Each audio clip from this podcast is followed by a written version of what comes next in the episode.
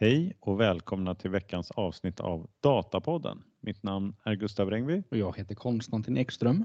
Och jag heter Johan Odén. Ja, välkommen tillbaka Johan Odén. Du är ju nästan lika ofta här som jag och Konstantin. Ja, men det har blivit ett par gånger nu på sistone. Ja. Det känns bra att få vara med. Det Ja, uppskattar Det är vi. kul. Vi har tre artiklar idag. Tre feta artiklar ska jag vilja påstå. Så det är väl lika bra att vi sätter igång på en gång. Mm. Kör. Jag har fått äran att börja. Och eh, min artikel har rubriken Reimagine Data Analytics for the Era of AI. Släpptes 29 augusti 2023 på cloud.google.com.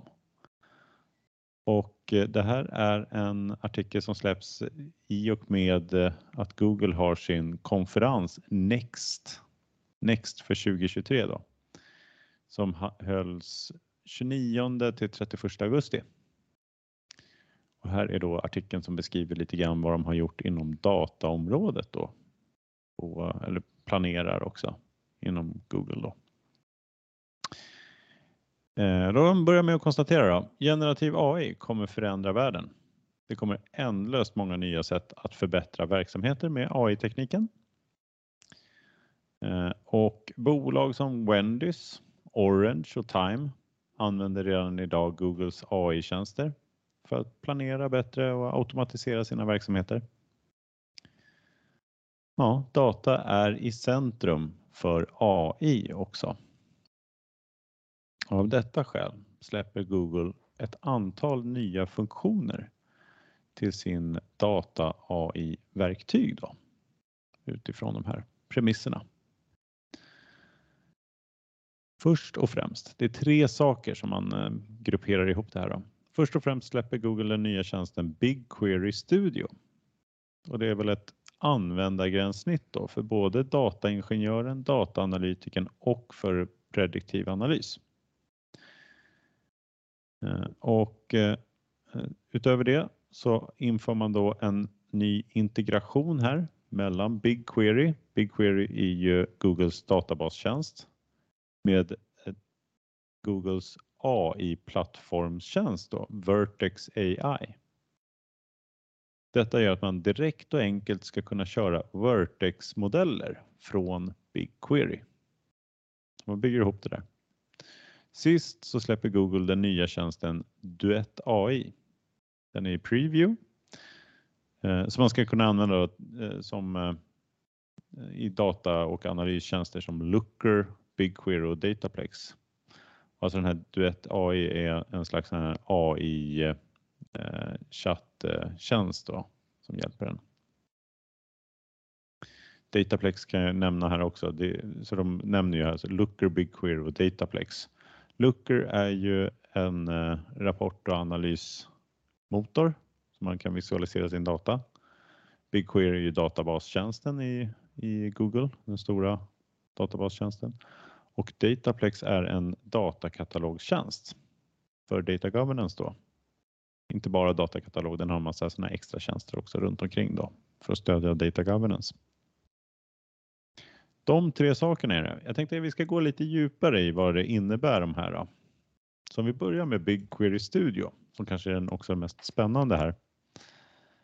Då säger de så här att ja, men i BigQuery eh, Studio då, kan man både arbeta med inläsning av data, datapreparering för analys, utforskning av data och visualisering. Så bland annat ska man kunna arbeta då i den här BigQuery Studio med SQL, SQL-kod, Python, Spark eller naturligt språk mot Googles databas. Eller också mot Google AI-plattformen och Vertex AI. Så man ska kunna jobba på en massa olika sätt mot de här två då grundtjänsterna. Då. Man ska också kunna tillämpa kodhantering och releasehantering av sin utvecklade kod och dataflöden och modellflöden och sådär. Så de nämner CI/CD bland annat då. Continuous Integration Continuous Deployment står det för va? Mm. Mm. Och så ska man också kunna hantera behörigheter, datakvalitetshantering lineage och profilering nämner de då inom BigQuery. Så ska, allt det här ska kunna göras i den här BigQuery-studion. Eh, och man förbättrar här också. Notebooks är ju populära säger man eh, och eh, här förbättrar man möjligheten att arbeta i notebooks. Bland annat har man ett eh, utökat då samarbete med Hex och Jupyter och gör det enklare att använda de tjänsterna också. Ostrukturerad data blir ju viktigare i och med generativ AI-vågen och därför behöver man ju förbättra de funktionerna också. Då. Eh, och då säger man här att eh, bland annat då så har man utökat stöd nu för Hoodie och Delta Lake i, eh, i Googles Data Lake som heter Big Lake. Deras Data Lake-tjänst. Eh, och eh, de säger här, lite information som kommer här mitt i det också, spännande.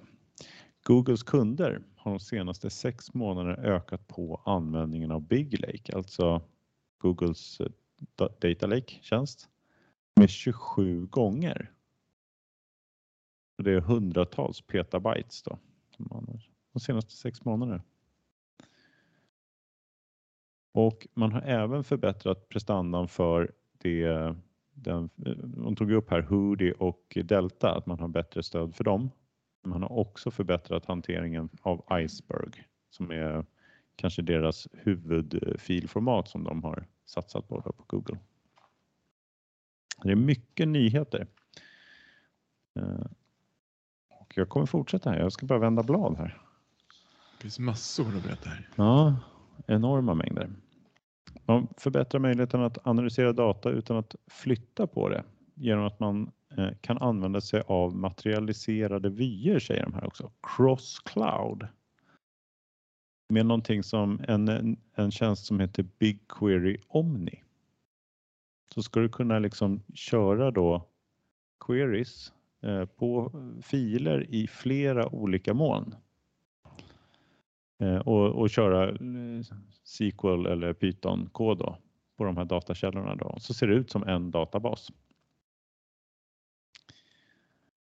Om man säger här, ja, men då får man till en analyslösning i en Lakehouse-arkitektur som kan då också både köras på Google och data som ligger i S3 i Amazon, alltså Amazons Eh, tjänst eller också Blob Storage då på Azure. Så ska den här Google BigQuery Omni ska alltså eh, lägga sig och liksom, du ska kunna ha det uppdelat i alla de tre. Eh, Filer ska kunna ligga utspritt men det ser ut som en tabell sen i slutändan när du kör en query i BigQuery Omni. Så det är alla nyheter då som har med som de grupperar inom BigQuery Studio. Det då. Men det kommer ju lite nyheter här också i den här Vertex AI-stödet då. Och då säger man att eh, BigQuery Machine Learning, ML, har funnits i två och ett halvt år nu ser jag, eh, redan. Och den här tjänsten har man, alltså det är en del av BigQuery, det har gjort att man kunnat köra maskininlärningsmodeller direkt i BigQuery med SQL-kod. Men nu kommer det här nu, nya stödet då att man kan köra eh, modeller från AI-plattformen Vertex också då, direkt i BigQuery. Och bland annat då så ingår Googles LLM-modell Palm 2. Och det är bland annat den modellen som är bakom deras sån här chatttjänst Google Bard. Så det är Palm 2. Så den ska man kunna ha tillgänglig och göra egna grejer med då direkt i BigQuery med sin SQL. Man lägger också till, för att öka på det här AI-stödet då, så lägger man också till vektor och eh, semantisk sök till BigQuery. Så att man ska kunna söka på bilder och texter. Eh, vi pratade ju vektordatabaser för länge sedan vet jag. Det här ligger väl i linje med det. Dessutom lägger man till ett antal datakällor från bland annat Dun Bradstreet och Bloomberg för att då ytterligare förbättra möjligheterna till att göra olika typer av analys då. Eh, då man kanske behöver också ha tillgång till fler datakällor som klär på sin egen data då med, med viktiga fält. Eh, säger att det här är en viktig del och man har liksom de här samarbeten för att få datakällor då, både för att stödja in analys inom finans, handel och tillverkning nämner man specifikt här då. Så det är Vertex-delen då. Och så har vi den sista då, den här Duett AI. Duett AI kommer finnas med i verktygen framåt, säger de. I Looker till exempel innebär detta att man kommer kunna prata med sin data. Tror jag man har hört förut. Kan jag få eh, en diagram över de topp fem säljande enheterna i organisationen så dyker det upp ett sådant diagram så att säga. Eh, och de nämner här också i BigQuery då, där kommer man också ha möjlighet att, att få eh, liksom stöd av den här Duett då. Eh, och då kommer man kunna få stöd att bygga liksom färdig SQL och Python-kod. Eh, Så att det, det är vad som händer i den här Duett AI då. Ja, det var, vi måste ju hålla koll på Google också Mm. man säga. Och det är ju spännande att höra om alla de här nyheterna här från, eh, Det känns inte som det var så lite grejer. det är ganska mycket. Ja. Jag tycker den här BigQuery Omni låter ju väldigt spännande. Det är ju en, eh, får man, är det en supercloud-tjänst? Ja, men det måste lite grann åt det hållet i alla fall måste det vara. Mm. Ehm, det är ju ganska likt då eh, det man kan göra då med OneLake i Fabric Precis. med shortcuts liksom. Ja, eh, skillnaden här det är att här lägger man också en kalkyleringskluster i, i det molnet. Så att om du har S3 buckets Mm. i AVS, då, har du, då skaffar du också Google eh, Omni där. Den lägger en kluster där också, en kalkyleringskluster. Så att du kör lite mer eh, internt också. Om du lägger DAV-filerna i ett annat moln då? Du, du nämnde Ja, det var storage. Azure också. Så Hur- jag, jag såg en sån här arkitektkarta. Jag vet inte, det kanske går att köra utan det, men då hade de med alltså att du har, du har datat där och du, har, du lägger en kalkyleringskluster liksom, kluster lokalt också i cloudet och sen så har du en Omnin har också ändå en kontrollerande eller en liksom överliggande kluster då eh, som sköter hela queryn i slutändan. Så om du ställer frågan mot en fil i ett annat moln så sker lite av pro- processningen av datan i det molnet innan det skickas. Ja, precis. Så du behöver inte skicka all data utan eh, det, Ja, det just det. blir eh, bara det som behövs för queryn då. Ja, det är är väl väldigt- ganska bra med tanke på kostnaden då. Ja, det måste ju göra det väldigt mycket mer effektivt då. Om man ställer en aggregerad fråga och då får man bara, behöver man bara transferera det så att aggregera Mm. resultatet och inte allting. Ja. Det är ju spännande överhuvudtaget här va. Det är väl ingen av de här andra supercloud-tjänsterna så finns det väl inte, eller kan man ha multicloud så att man väljer man inte ett moln ändå? Det kanske går att lägga. Får man ihop det? Om inte annat så kan man sharea i, i Snowflake antar jag. Mm.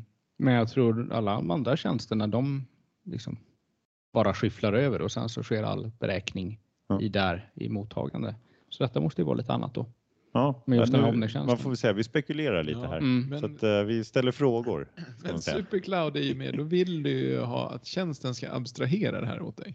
Ja. Det som händer bakom. Här låter det ändå som att du behöver fixa till det här själv. Liksom. Men du kan. För mig låter det här lite mer som designmönstret eller arkitekturen Fabric.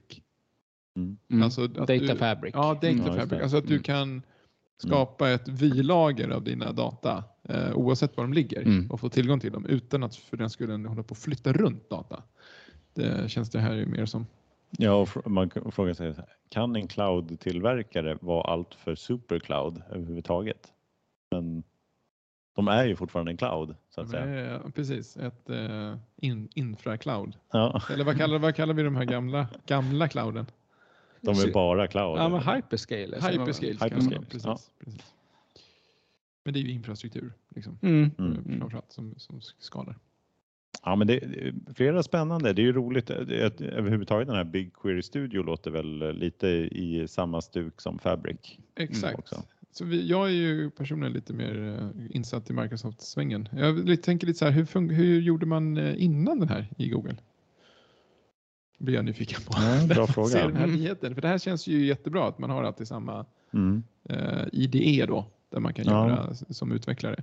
Men har det inte varit lite som Google, att, eller som eh, i Microsoft också, att det har funnits ett antal PAS-tjänster? Jag vet att vi har byggt på de PAS-tjänsterna hos andra kunder. Eh, Då har man ju liksom, då har de haft ungefär liknande sådana här, eh, en, någon typ av dataprocessor och Men det har funnits en BigQuery Studio, alltså där jag kan sitta och skriva SQL-kod mot BigQuery. Ja, men det, det måste jag göra. Ja. Och det är den som liksom byggs ut här nu. Ja, jag vet inte om eh, det, det beskrivs ju, eh, väl också, jag har inte riktigt koll på det här heller. Men det, det beskrivs ju som en ny tjänst i Mm. alla fall. Den måste ju bli bra mycket mer allomfattande. Ja, det kanske inte är som att de har haft någon innan. Man kanske behöver köra tredjeparts eh, Ja, komponenter för att koppla sig mot SQL endpointsen. Så Mm. kan det mycket väl vara. Mm. Ja, Sen är det kul också att köra ner det här eh, format, eh, den här formatkampen. Mm. Eh, Nu tolkar jag som att det bara är läs, läs eh, möjlighet då till Delta och Hoodie eh, i det här fallet. Men att man ändå, alltså, vi ser ju fler tillverkare som ändå satsar på att man ska kunna konsumera det, Mm. alla tre. mm. Så att man gör liksom inget. ja, det är ju en bra fråga, men det kan ju inte bara vara, om, med tanke på den här Omni så måste de ju klara av att skriva också i både Delta och Det är inte så... Ja, ja, Om det, ni det, lär ju bara vara läs, ja. okej, tänker jag. jag tänker, ja, ja men det är, Det är sant. mycket kan- frågor i det. Ja, precis, det väcker fler frågor Men vi kan ju vi har åtminstone väckt intresset för det händer, mycket, det händer massa grejer på Google. Ja. Du sa att det här släpps under en, en konferens här nu, Google Next. Precis, och det här Som var ju, eh, vad sa vi, 29 till 31 va? Mm. Så det var precis här förra veckan. Ja, Mm. det är inte långt härifrån. Man säga. Mm. Kul! Mm. Ja, roligt. Mm. Eh, Jag tror Daniel Gaucher som brukar vara med, han brukar alltid säga att det är kul liksom, när de konkurrerar med varandra så Mm. vi får fler bra tjänster. Mm. Det gillar vi. Så att, Mm. eh, det är positivt. Se om det kommer någon från Amazon nu då. Om de också kommer komma med någon liknande ansamling, en, ett verktyg för allt. Mm. Redshift rule them all eller något sånt. Redshift Studio. Eller, Ja, Exakt. Precis, Ja. det känns ju givet namn då. Ja, det får vi se. Mm.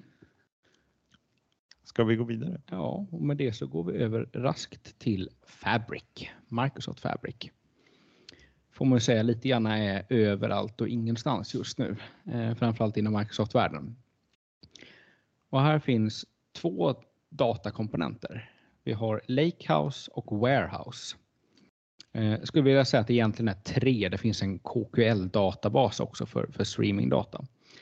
Men idag så tänkte jag fokusera på just Lakehouse och Warehouse. Skillnader och likheter mellan de två och framförallt när man bör välja det ena eller det andra. Ehm, och det är ju egentligen två typer av komponenter som man kan välja när man ehm, skapar då i, i sitt workspace där då.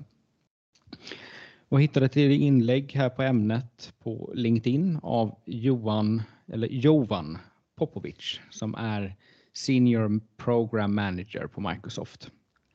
Eller jag och jag hittade. Det var du Gustav som hittade. Jag sitter och tar åt mig all ära nu. Ja, det, det stämmer. Ja. Du, du hade en assistent som hittade åt dig. Säga. Det är bra. Men om vi börjar med likheten här då. Så att båda de här komponenterna, de ger kapacitet att hantera och bearbeta stora mängder data upp till petabytes. Datan persisteras i tabellformatet Delta Lake, vilket innebär att man alltid kan ställa frågor mot sin data oavsett om man använt Lakehouse eller Warehouse workloaden för att skapa. Då. Den analytiska prestandan för både Lakehouse och Warehouse är konsekvent enligt Microsoft förutsatt att datasätten är jämförbara. Så till skillnaderna. Lakehouse fungerar som ett eh, mångsidigt lager som kan hantera olika datatyper från strukturerad och halvstrukturerad till ostrukturerad data i flertalet filformat. Eh, vi har CSV, parkett, JSON eller Delta. Och denna flexibilitet inkluderar även programmeringsspråk som PySpark, Scala för hantering och uppdatering av data. Och I kontrast då så är Warehouse en datatel anpassad för lagring och bearbetning av strukturerad data, framförallt i deltaformat och liknar eh, befintliga relationsdatabashanteringssystem. Det blev ett väldigt långt ord där, men det var det bästa jag kunde komma på. RDBMS. Ja, det kanske var enklare att säga så. Men den är då utformad för att hantera och uppdatera data med hjälp av TSQL eh, genom SQL-objekt, alltså tabeller, vyer, plockar och funktioner. Så vilken ska man välja då? Och här finns då ett antal olika faktorer eh, som man kan man tänka på då. Den första är språkpreferens för datahantering. Valet mellan Lakehouse och Warehouse beror på vilket språk man föredrar. Om teamet föredrar PySpark eller Scala eh, är Lakehouse då det naturliga valet. Å andra sidan passar Warehouse bättre för de som föredrar vanlig hederlig SQL. Det är dock viktigt att överväga att de funktionerna eh, som man vill använda, de är ibland också förknippade med olika språk. Till exempel vill man arbeta med ML så är Lakehouse det bästa valet eftersom de då finns tillgängliga i, i Python eller Scala. Å andra sidan om man behöver transaktioner över flera tabeller eller finmaskiga behörighet för varje objekt i databasen så kan Warehouse vara ett bättre val. Den andra aspekten det är krav på dataformat. Om, data, om, om datan huvudsakligen finns i delta eh, och eller i en relationsstruktur eh, så är Warehouse bättre. Men arbetar man med många olika format, eh, CSV-paket eller JSON, eller om man till och med vill använda ostrukturerad data så är Lakehouse ett, ett bättre alternativ här. Eller för att säga enda alternativet i vissa fall här.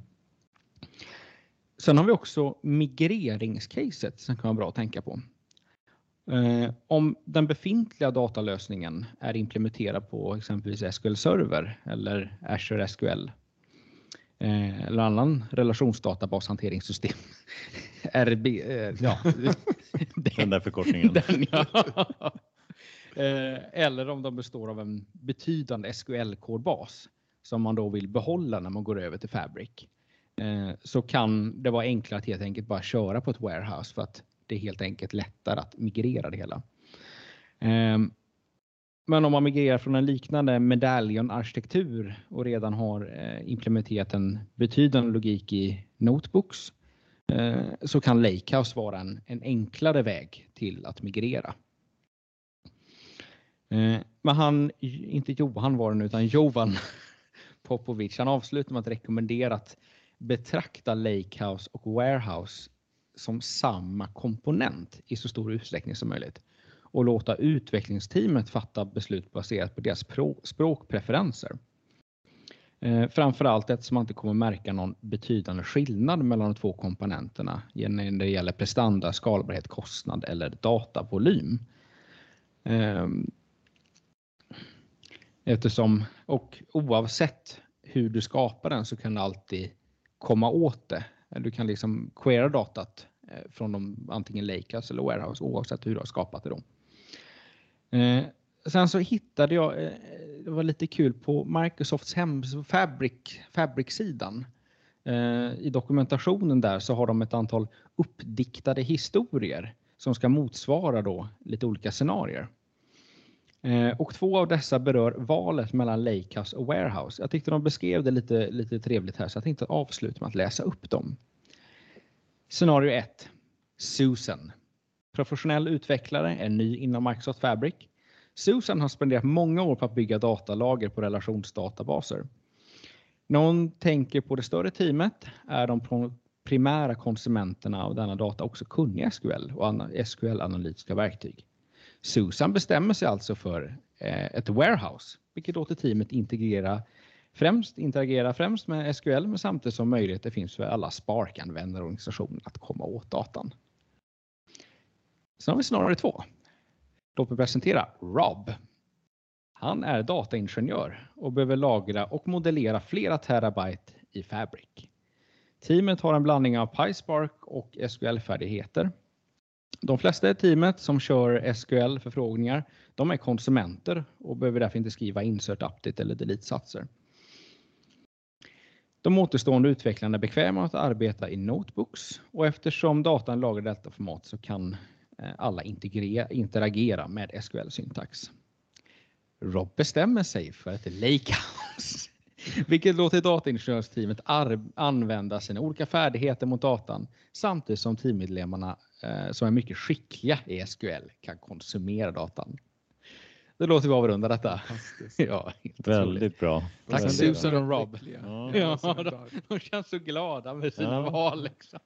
Känns som det är en så här barnbok här som Ja, men alltså eh, till försvaret här så ibland så är det inte så dumt. Nej, nej, Man, liksom, man, man bara nej, man fattar liksom. Mm. Men eh, ja, får vi eh, Ja, släppa varsågod. på frå- frå- frå- de här alla frågor Ja. som eh, infinner sig. Det, men det, för man kan väl ha bägge? Eller hur? ja, visst. Det är väl det ena utesluter inte det andra. Har man en, jag tänker, har man en stor komplex lösning, då vill man göra båda de här grejerna. Mm. Eller hur? Ja. Och sen är det ju så här, den här uh, Lake House. eh, för det, det, grejen här, eh, i botten så har man ju sin storage. Den ligger där den ligger, det är OneLaken och där har man sina filer. Antagligen då mycket delta om man kör Fabric-strukturen. Och sen så får man då spinna upp då eh, två olika compute nodes på det här. Eller liksom där man kan köra sin kod för att ställa frågor mot det här. Det är det de här två valen är. Mm. Lakehouse eller Warehouse. Eh, och i, i, i Lakehouse-komponenten då, så förstår jag, då finns det i den, den SQL som finns där, alltså om man skriver SQL-kod Mm. i den, i SQL-endpointen, då är den bara read. Det framgår inte av artikeln här, men det eh, har jag läst på ja. utanför, vilket är ju en Mm. jättestor skillnad. Så att Mm. det betyder att kör man Lakehouse-komponenten, då, är det, då, ska man, då ska man manipulera data med notebooks. Alltså då är det Scala eller eh, Python som Mm. gäller. Du kan ju skriva i SQL ändå också, men du gör det då i en speciell sån här notebook och Ja, istället. precis. Mm. Men du kan inte liksom göra insert updates mot en SQL endpoint. Utan jag, jag tolkar som att den SQL endpointen som finns i Lakehousen, det är motsvarande serverlessen idag. Mm. Alltså Ja, så den, den som bara går att ställa Mm. selects på. Medan warehousen är en ny komponent Mm. som inte funnits innan. Som är få- mera som ett Snowflake eh, warehouse. liksom. Men det blir väl motsvarande alltså insert update fast med PySpark istället. Ja men då, är det, då måste du köra dem eh, Mm. i någon annanstans. Liksom. Ja, precis. Mm, ja, precis. Eh, för du får liksom en SQL endpoint som en egen grej och sen får Mm. du något kluster där du kan köra dina notebooks. Just det. Någon data flow eller en, Ja. eh, Mm. Så att du kan inte göra sånt. dem eh, Nej, just det. samtidigt eller Mm. tillsammans. Så. För mig, jag är ju Susan i den här. Den du gillar gamla den. SQL Mm. eh, dinosaurien. Mm. Så att, eh, det känns ju som att warehouse är den man Mm. eh, kommer vilja ha om man är en gammal eh, BI, DV Mm. människa. Men man kan ju fortfarande koppla upp sig mot samma. Du kan ju skapa liksom en länk mellan. Så om jag skapar en, en tabell som blir en, en Delta Lake i botten i, Mm. i warehouset. Då kan jag fortfarande skapa en, liksom en länk till den i mitt eh, Lakehouse och så kan jag göra en massa insert updates med notebooks då. Exakt. Så man kan jobba med samma data från Mm. olika med. Så jag tror att i komplexa lösningar så kommer man vilja ha bägge Mm. och kommer vilja kombinera de här beroende på use case. För det, det är så här, de sa ja, det beror på vilket språk du föredrar. Mm. Om man gillar Python eller SQL. Men jag tänker, men du var inne på det också där, att det är mer utifrån use caset. Vad vill jag göra? Mm. Ska jag göra eh, någon, någon viss typ av transformation eller eh, någon machine learning? Ja, men då måste jag vara i Lakehouse-noden. Mm. Det går inte att göra SQL. Eller att man tar in sensordata eller något Ja. sånt där. Jason nämner de väl också Precis. där Mm. bland då liksom, behöver man den. Om inte annat så måste man ha en, någon typ av, det, det räcker inte med den där data warehouse för då är det SQL bara. Mm. Utan då måste du preppa datat på något sätt. Mm. Om det inte är väldigt enkel JSON. Jag tänker det finns sådana open JSON man kan Mm. köra till exempel. Men, men det är ju liksom. Men då kanske inte extremt- prestandan är jämförbar heller. Då blir det nog väldigt Nej, men så kan det vara. Mm. För eh, licensmodellen är väl sån att du betalar för en liksom, compute-kapacitet. Sen kan du väl köra de här lite bäst du vill. Ja, precis. Det finns väl möjlighet att köpa extra också sen. Så att, eh, Ja. Jo, men du Men, kan, det, det är ingenting licensmässigt som hindrar dig från att köra båda. Nej, det, det borde Utan, inte vara. eh, det är Ja. bara att du använder samma resurser Ja. för att köra dem. liksom. Nej, ja, det, det är väl eh, om, om det var så att det var eh, att den, det var liksom perspektiv av, för det är parquetfiler i grunden. Mm. I alla fall. Det, ja. Mm. Men den här Data Warehouse måste ju vara lite mer komplex. För de säger att den klarar ju av multi-table transactions. Mm. För Parquet innehåller ju i sig, i fil finns ju transaktionsloggen också. Mm. Den läggs ju som eh, rader där. Ja. Medans om du har någon typ av där du kan göra transaktioner på flera grejer, då måste det finnas någon typ av eh, liksom överliggande transaktionsfunktion. Mm, precis. Mm. Och och det måste ju ändå påverka också om du gör om du gör, ligger och startat igång en transaktion och håller på med två tabeller. Om du försöker komma åt det. Då måste man lägga ett låsa upp dem Ja, från precis. andra komponenter. Antagligen. Ja, eller att man först när man eh, har gjort allting så gör man alla förändringar. De andra kanske får läsa samtidigt eller något sånt där, men på den gamla filen då eller? Nu spekulerar jag, Mm, men, nu men det är en, detaljer. Ja. ja, men det är i alla fall en, en komplexitet Mm. i, i att använda Data Warehouse, för den kommer ju arbeta på ett sätt som inte är tänkt för liksom Precis. en big, big data lösning kan man väl säga. RDBMS. Jox. funktionalitet. Ja. Ja. Nej, och, men den hade också så behörighetsfunktioner ju, som Mm. inte finns i Lakehouse då, Mm. Med kolumnnivå och så vidare. Det, det kan ju vara intressant också. Mm. Ja, men eh, du väljer båda. Du vill inte göra Ja, ett val? ja, precis. Ja, jag måste välja en så skulle jag ta warehouset. Så jag kan skriva SQL inserts. Men är det inte bättre om du, så här, om du bygger på hos en, en helt ny lösning? Ja. Vill du inte bygga liksom på, på Lakehouse-strukturen då? För kanske att man vill ta in sensordata eller något Jo. sånt här? Eller? Precis, man kommer ju behöva den andra också. Ja. Men eh, Jag tror man vill ha bägge. ja, Det, jag tänker att det skulle kanske man från Microsofts sida rekommendera också. Du får liksom hela smörgåsbordet. Fritt att välja på för just use case för use case. ja, Du just det. behöver inte liksom bygga in det i någon av dem. Ja, men vill man inte köra så att man har på samma sätt i allting så att man inte har två sätt att göra en transformation Mm. på? Jo, Det blir också Precis, lite man måste sätta lite designprinciper Ja. hur man ska bygga sina dataflöden. var någonstans man gör det. Mm. Men det gör ingen skillnad för dig. Du väljer att inte göra ett val ändå. Nej. ja, nej, men det, det låter spännande. Ska vi gå vidare? Är du redo? Ja, nej. Men Inte Det är, riktigt. jag, Ja. det är bara jag kvar eller hur? Ja, det är Mm. bara du. Mm. Vi sparar alltid det, det tyngsta till sist när jag är med. Jag får alltid köra sist. Mina De gamla, tunga. de gamla tråkiga. Men den här var inte gammal. Den här var inte så gammal. Jag hade ju faktiskt eh, hittat det. Men eh, ja, ämnet är väl relativt nytt också kanske. Jag har hittat en artikel på en eh, blogg som heter TDAN. The Data Administration Newsletter. Since 1997. Så det här är en, en kille som heter Ro- Robert Senior som har den här bloggen. Som har funnits i länge, länge nu. Och brukar prata lite om data governance och sånt där som jag gillar. Eh, men den här artikeln då som eh, jag har tittat på är eh, en gästförfattare som har skrivit. Som heter Jan Bottega och han är ordförande för någonting som heter EDM Council, någon sån här data management-bolag.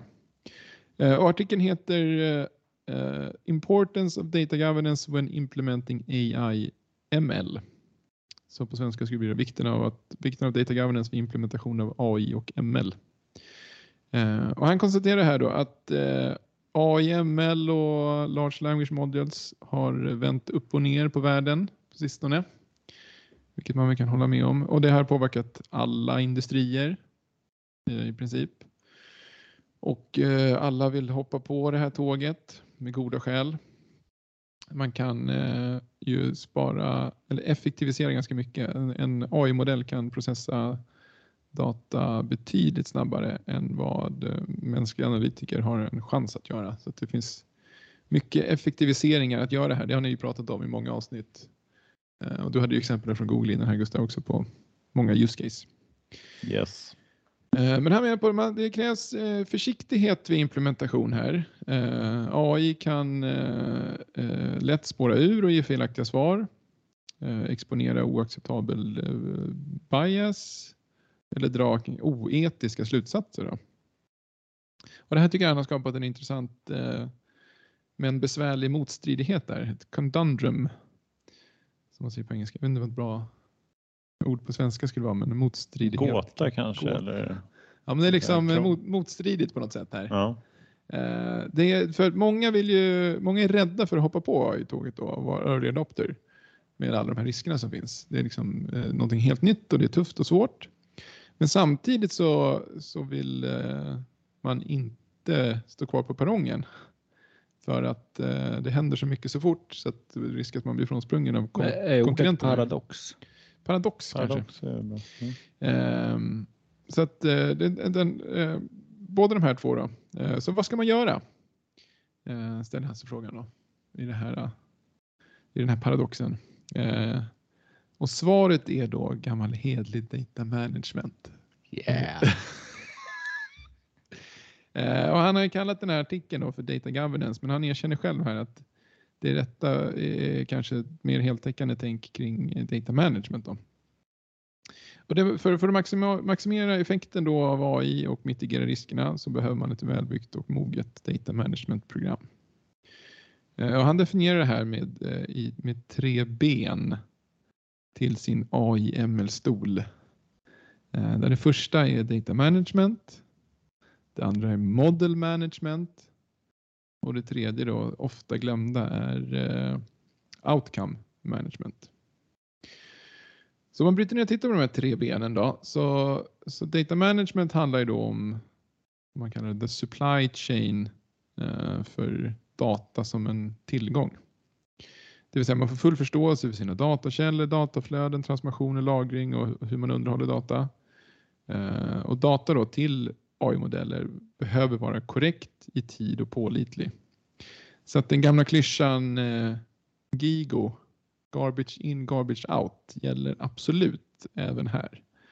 Eh, och då har han även eh, grävt fram en liten anekdot här kring eh, garbage in, garbage out och konstat- tagit reda på att det kommer från första början från en eh, IBM-programmerare på 1960-talet vid namn George Fuchsell, Fuchsell eller något sånt, som betonade att med dålig indata så blir resultatet dåligt oavsett kvaliteten på programvaran. Vilket kanske då var en, en ny tanke då på 60-talet, men idag 70 år senare eh, så kan vi konstatera att den här, eh, det här har blivit en sanning som står sig. Och eh, han då, eh, John här, han eh, har ju hittat då sin, eh, eller föreslår såklart från sin eh, IDM Councils eh, från, från den här organisationen. De har även då en, en modell för det här, hur man ska implementera sitt data management-program. Som de kallar för DCAM, Data Management Capability Assessment Model. Och den beskriver då alla, alla saker man vill ha i sitt eh, data management-program. Hur det ska styras hanteras, vilka data man behöver hantera för att nå sina affärsmål, hur organisationen ska se ut, eh, vilken kunskap och färdigheter som behövs, eh, att man behöver affärsförståelse, en tydlig verksamhetsarkitektur, eh, man behöver dokumentera vilka mål verksamheten har för de skapar krav på data som i sin tur skapar krav på teknik. Ehm, och sen när strategin väl är på plats då kan man sätta aktiviteter kring governance och datakvalitet och till sist då så, kan man, så behöver man ju också eh, klassificera och sätta säkerhetsmekanismer för att skydda sina känsliga data. Så det här är, man behöver liksom göra det här ordentligt med ett helt enkelt program. Men allt för ofta så hoppar nervösa organisationer eh, rätt in i, i AIML utan att tillräckligt bra data management. Men det menar han på är grunden för att det här ska lyckas. Och nästa ben då, eh, det är eh, model management. Ehm, och han erkänner själv att han inte är någon expert på eh, AI-analys men eh, menar på att precis som för eh, för data management så krävs det en liksom gedigen hantering av sina AI-modeller. Ehm, de behöver bygga på tydliga principer och standarder och behöver testas noga att de levererar som planerat. Ehm, framförallt så är det viktigt att vara medveten om och konstant och kontinuerligt bevaka utfallet så att det blir eh, rättvist och inte, inte bias. Då. Och han tar som exempel här då en eh, från eh, eh The Monetary Authority of Singapore, finansmyndigheten i Singapore då, som har publicerat något de kallar för FEAT-principerna. F-E-A-T. Som då står för Fairness, Ethics, Accountability och Transparency. Det vill säga ett, ett eh, gäng med 14 principer som definierar hur man ska på ett ansvarstagande och etiskt sätt liksom betrakta att det ska vara, eh, finnas rättvisa, etik och ansvarstagande och transparens i sina AI-modeller så att man liksom har ett man inte bara eh, går på resultat utan det ska finnas principer kring hur man gör här också. Ehm. Yes, och det sista då, outcome management. Och det är ju då eh, att man även då har hantering av utfallet. Ofta gamla hedliga eh, projekt så kanske man har eh, en implementation och en testfas där man säkerställer att lösningen levererar det den ska. Och det har funkat fram till nu, men han menar att det är skillnad med ML. Ehm, att här behöver man även i produktion då, följa upp kontinuerligt och se till så att inte modellen skevar iväg eller att man får in eh, nya data som eh, eh, kan vara biased och liksom ge oetiska svar över tid som man inte har kunnat testa från början. Då. Så att de här tre benen då ger en, en komplett eh, hantering. Eh, och då sammanfattar den här med att artik den här artikeln skulle kunna heta att uh, istället för att heta vikten av data governance så det kunna heta vikten av sunt affärsförnuft vid implementation av AI. Då. Så att uh, ja, det var den. Mm. I och med att han kallar detta en stol. Det står ju uttryckligen i artikeln. En stol med tre ben, är den särskilt stabil? Nej. Jag letar febrilt här om det finns något tredje ben, ett fjärde ben här som liksom gör att det... Så man kan komplettera. Den känns, den känns svajig med tre ben bara. Mm. Tänker du? Jag tycker ändå att en, en av de här benen, eh, både enligt honom och kanske eh, faktiskt är så, är ju snarare liksom en stock här. Den här datahanteringsdelen är ju eh, bra mycket liksom mer än de andra två. Mm det är ju även i artikeln. Det återspeglar i artikeln. Det är den han djupar i och det är det ja. som är hans bakgrund. Och så de andra är så här, ja, och det måste man ju fixa också. Ja. Mm. Så att så är det ju. Men det, och det kan man väl hålla med om. Alltså, ja, det, stämmer det, är ju, det, är ju otroligt viktigt med rätt data in i en sån modell. Mm. Precis, och det är ju ett stort arbete. Medan de andra är inte så. Det är mycket mer eh, atomärt. Eh, alltså färre som behöver vara inblandade. Eh, han pratar om modellerna, liksom. du måste ha mm. releasehantering på det mm. och sådana där saker. Mm. Det, är, det, är, inte på samma nivå som att få koll på datat får man väl säga. Nej. Mm. Vad tror ni om det här med eh, den här eh, citatet från Singapore med liksom etiska principer kring sitt, sin, sitt AI-arbete? Håller med om att det är viktigt? Ja, men, eh, det, det är väl superviktigt. Eh, jag tänkte på, han, han tar väl upp det lite så där som att jo, men det är ju någon som har gjort ett bra arbete här. Ni kan väl, ni kan väl kolla på det ungefär så där. Det är klart, det är viktigt, kanske inte i alla implementationer för de är inte känsliga på det sättet. Men när det är känsligt så, så är det viktigt. Hur vet man om det är känsligt då? Det jo. måste man ju värdera också. Ja, precis. Jag, jag, tror att det blir mer känsligt i alla fall om du har på något sätt att du eh, eh, hanterar kunder i, i känsliga frågor eller liksom vad du presenterar för kunden har, kan uppfattas eh, som orättvist eller något liknande. Mm. Eh, en sån sak tror jag kan påverka i alla fall.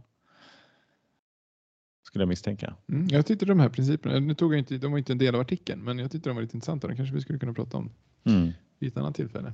Just det, så här, vad är det som, eh, som väger in när man ska göra en sån här bedömning? Ja, det är ju överhuvudtaget all kampanjhantering är ju lite grann att du diskriminerar vissa kunder för att du vill ge kommunikation till vissa specifika kunder som kanske ger bättre gensvar Precis. för, för verksamheten.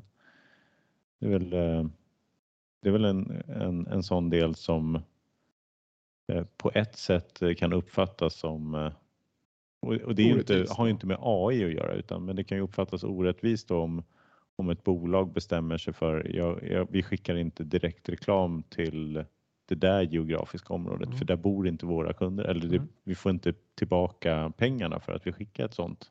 Mm. För det är inte, det är inte vår typ av kund.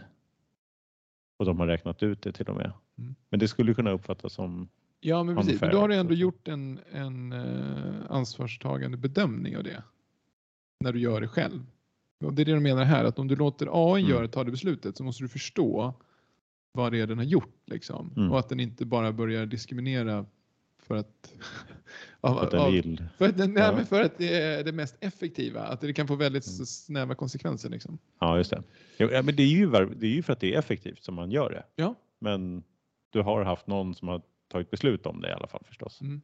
Jo Just men, det. om det, jo, men precis. Men om det här då säger att den kan hitta slutsatser som är, beror på eh, känsliga attribut hos kunden Mm. eh, och börja eh, marknadsföra utifrån det. Mm. Eh, kanske du inte vill att den ska göra då. Nej, precis. Mm. Nej, det, det är lite reklam för sin egen då, den här Absolut, EDM absolut. Council. Men det här finns ju många andra eh, sätt att göra på också. Eller liknande. Ja, precis. Och det är ju så. I våran bransch här så tar vi ju nästan alla artiklar. Det är ju skrivet av någon som har en baktanke. Det är väldigt lite som inte har så här, bara ett så stort nyhetsvärde så att det hamnar liksom i, i det normala nyhetsflödet. Nej. Utan det finns alltid någon som en kommunikatör på andra sidan Ja. som har en, ett syfte eh, med, med den här informationen. Annars så skulle vi inte ha kunnat läsa på någonting om det inte Nej, fanns den, här, någon... den här är ju ändå relativt oberoende jämfört med eh, de två föregående artiklarna. Får man säga. Ja precis, där var det... Ja, ja. Ja, Jag vet inte om den är... De är väl... Han jobbar på EDM Council. Vi hade Jovan, han jobbade på Microsoft Mm. Ja. och eh, Google. Google Cloud jobbar på Google.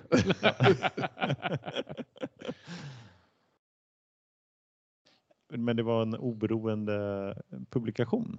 Mm. Eller hur? För, Yes, eh, precis. Den men- bloggen är ju en, en ja, annan. så på så sätt så är den väl lite mer eh, oberoende då. Mm. Eh, Jovan, det var LinkedIn. Mm. Men det var ju Microsoft. Microsoft äger LinkedIn också. Dessutom ja. Att, eh, mm. Mm. Tre artiklar. Ja. Jag tänkte på en sak som jag glömde att nämna på den här eh, Google här.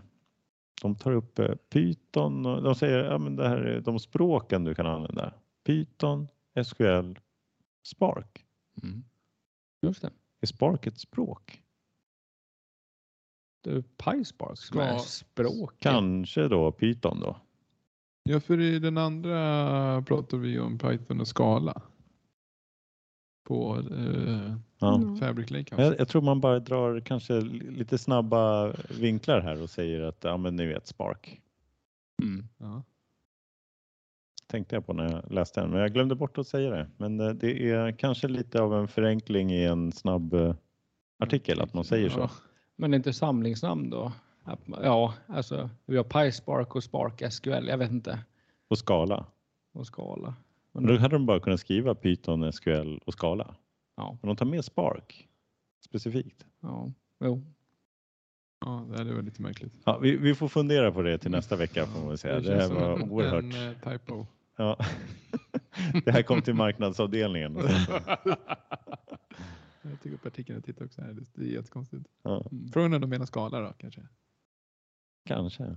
Eller, eller så menar de att antingen kör man i den vanliga query-motorn i BigQuery eller i Spark motor. De Mm. rabblar ju upp att du kan i studion editera SQL, Python, Spark and other languages.